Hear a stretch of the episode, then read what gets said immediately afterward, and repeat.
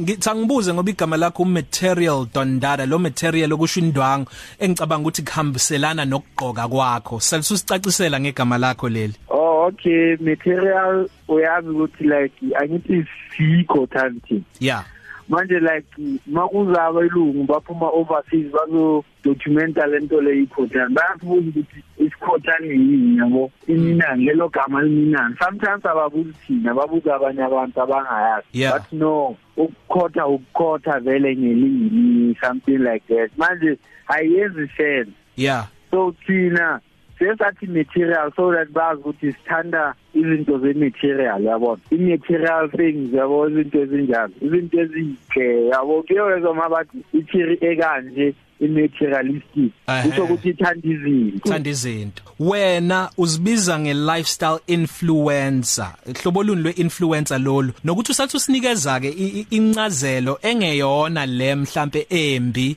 noma eyinkoleloze ngobukhothana. Okay ke ithi ngiqale ngoku-explaina lento le ye-lifestyle influencer. Mangithi ngi-lifestyle influencer ngimina ukuthi like mina angidingi ukuthi mangi-advertise something ngitshela umuntu ukuthi hey kunento eso ethengiswa kuphi kuphi? Hambani niyothenga ngi-advertise ngaleyo. Mina into manje i-advertiser uzongibona sengiyiphila leyo. Yeah. if ever let's say bengi-advertiser iskipa or kepisi akukho la ngizothi hey hey go buy this t-shirt kuphi kuphi? No. Ngizoyigqoka ngepride nawe uzoyithanda uma uyibona. And uzobona ukuthi lo muntu yi-life yakhe uyithengile. Mm yabo?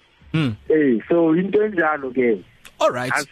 And imali then ke Yeah. lento leyo ubukhothani ke ikanje ke eh ubukhothani istyle and it ends there istyle sokugqoka. Ukuyabona namapantsulane istyle sawo sokugqoka. Sure. Yes kunama kuneyikhothani ke nazo ziya- ziyazigcokela nazo. Isitayela sokugcoka akukho la ifaka khona imali khona akukho la ifaka khona ama-ultramel khona. Because ne-ultramel akukho la ibhalwe isikhothani khona isayidi le nto leyo ukuthi like eh abantu maybe bathi ikhothani is all about money in in ayikho leyo nto. Because if ever besidefine ukukhothani ngemali kusho ukuthi nama-politician yikhothani kusho ukuthi nabo lilweni ngale yikhothani akusiyikhothani iyiphi nje Into politician? e- angimise lapha. Iyiphi politician la eningizimu Afrika ongayibiza ngesikhothane wena? No akunasikhothani cha sengi sepolitician sengimane ngiyasho nje kodwa u- ngesitayela sakho bungathi hayi lo bengacisha sondele ekutheni ngithi isikhothane no iproblem yalabantu ukuthi bagcoka amasuit full time. So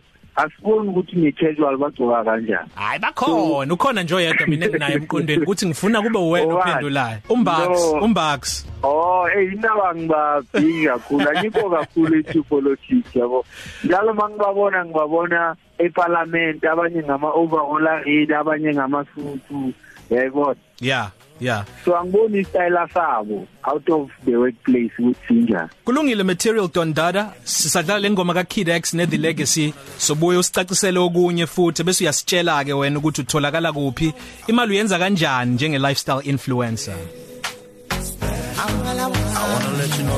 Cause FM hamba phambili. The Legacy. Bafakwe uKid X lengoma ethi mama.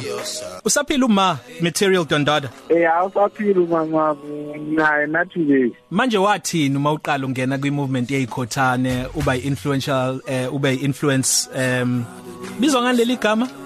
Social Lifestyle influencer. wathini meqala ukubona uhluka kwezinye inga izingane wena ufaka ingubo e- e- ezihlukile No, lento le iqala kancane kancane. yeah akusukuthi like eh kusasa uyazitshela ukuthi tomorrow eh sengiyisikhothana or tomorrow sengiyibhamtsu yeah sometimes uyaqala nje lokho ugcoka noma shaya ikepisi engenamakhala khala yabo? Sure. Nini sowuthola isikipa esimecha sakhona. Uzogcina sowubona iwardrobe yakho sekuyi sekwamakhala khala and Amakhala khala. ag- again nokuthi uyisikhothana awuveli sowuzibiza. Mina bengigqoka kanjalo yabo. But Freestyle ayiqalanga like same time. Ayiqalanga nje same time qale kancane kancane. Ngabona istyle sami sichange sichange sichange like everywhere la ngiyakhona abantu bathi sikhothani sikhothani sikhothani yabo? Ngaqala ngabaphikisa ngabaphikisa but ngingaboni ukuthi hayi it's out of hand everywhere. Nangisedrumfontein bathi isikhothana nangiseduzi bathi isikhothana so ngithi hayi okay ke ngisikhothani le. Ileyo siyakubongela mfethu. And then ya ya umama yena ke bengingahlali naye so yena uyibonile le nto le. Uya uyazi ukuthi angithi umphakathi uye waba ne problem ngikhothana ngikhothana eh ngalezi zinto lezi zokuthi kuthiwa bashisa imali nani nani nani so mama uye washo ukuthi no dala kungena ama trends long time ago sisasebadala ayangena aphume. So le ikhothana nayo into yamanje eh yabo maybe kusazoba nezinye futhi. Yeah. So le yokushisa imali akusinto existayo ke. Ngicela ukuyicacisa kahle ke. I exist ike yabakhona like maybe few times somewhere ekhothaneni yeah. But siyakubongela nakhona labo bantu hayi ukuthi bebayenza lento le sokukhothana yeah bukisikhathi bebayenza nje for bona personally and then imedia iyathatha lento le one negative yayenza ngathi yayithatha ngesinxele. Mm, nalaba bevele TV kulama documentary yeah. Siyabazi. Bebabanikile imali ukuthi benze leyo nto. So that izovela TV kulungile mfethu siyakubongela wawina iultimate house party ku MTV kwakuvulela iminyaka enjani lokho mfethu? Siyakubongela kokuqala ngalokho. Eh leyo nto eyayenza ukuthi like umkhothana kuhlonipheke because like abantu bebabone ngathi ikhothana abantu abayuseless so lapha bengi hard worker kakhulu anginanga inde ngisebenza kanti Yeah. bekwabonisa ukuthi ikhothani nabo. Abantu abanomali abafana nabanye abantu. Sure.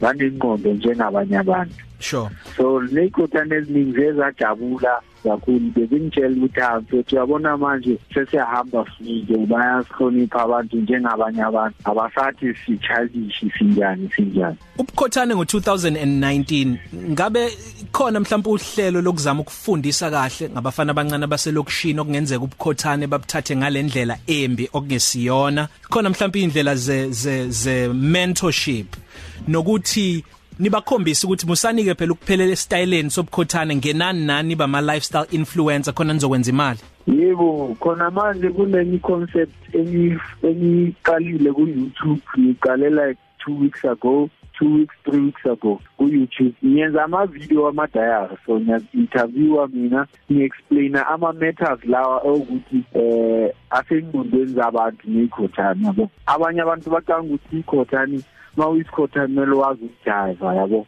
Yeah so bengifundisa abantu ukuthi no ama-culture maningi ne- naku naku hip hop hayi ukuthi wonke umuntu uyarap abanye ama-producers abanye bayadansa ama-break dancers abanye eh baya ama-businessmen abanye ba-own ama- ama-clothing company we-hip hop hip hop style. So akusukuthi nonke mele nirephe or nonke mele nidance yayibo yeah. So ngi-explaina lawo ma-matters lapho ukuthi abantu ba-understand ukuthi ukukhothana akusinto yi-one izinto eziningi. Zihlangana nje ngesitayela sokugqoka otherwise kunabantu abayenza izinto ezithi abanye bayenza so abanye bayenza so. Hayi ukuthi sonke kumele sibe ama-influence abanye bangaba ama-soccer player but personally yena isikhothana umuntu wakhona The coolest kid emzansi Tsepiso Pitso aka Material Don Dada. Sengikulandelile ku Instagram unama followers awu 226000 bemnandi mfethu ukuxoxa nawe nokuthi kusicacisele kabanzi ukhipha inkoleloze